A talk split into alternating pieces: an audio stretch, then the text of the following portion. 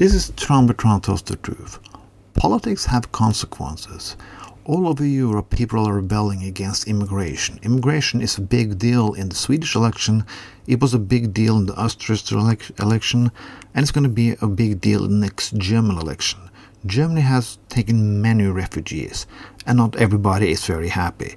Well, it's not. It always have been some. Have been problems with some of the immigration because we don't know what to do, and people in Europe well, they have a little different views, and most people in the Middle East would say the least. But the problem is, many of these people came here from wars we started. And then I feel the right, the people on the right, the conservatives and the nationalists, supported those wars.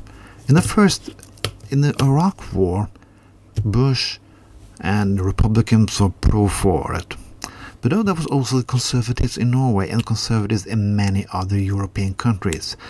And after that, they are very frightened because it comes immigration from the same country they bombed. Afghanistan, exactly the same. Libya, exactly the same.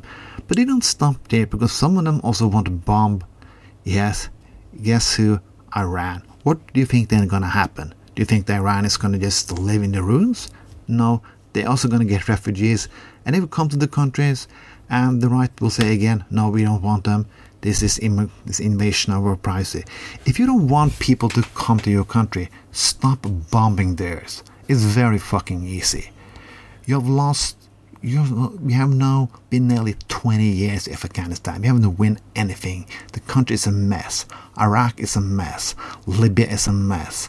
Do you also want Iran to be a mess?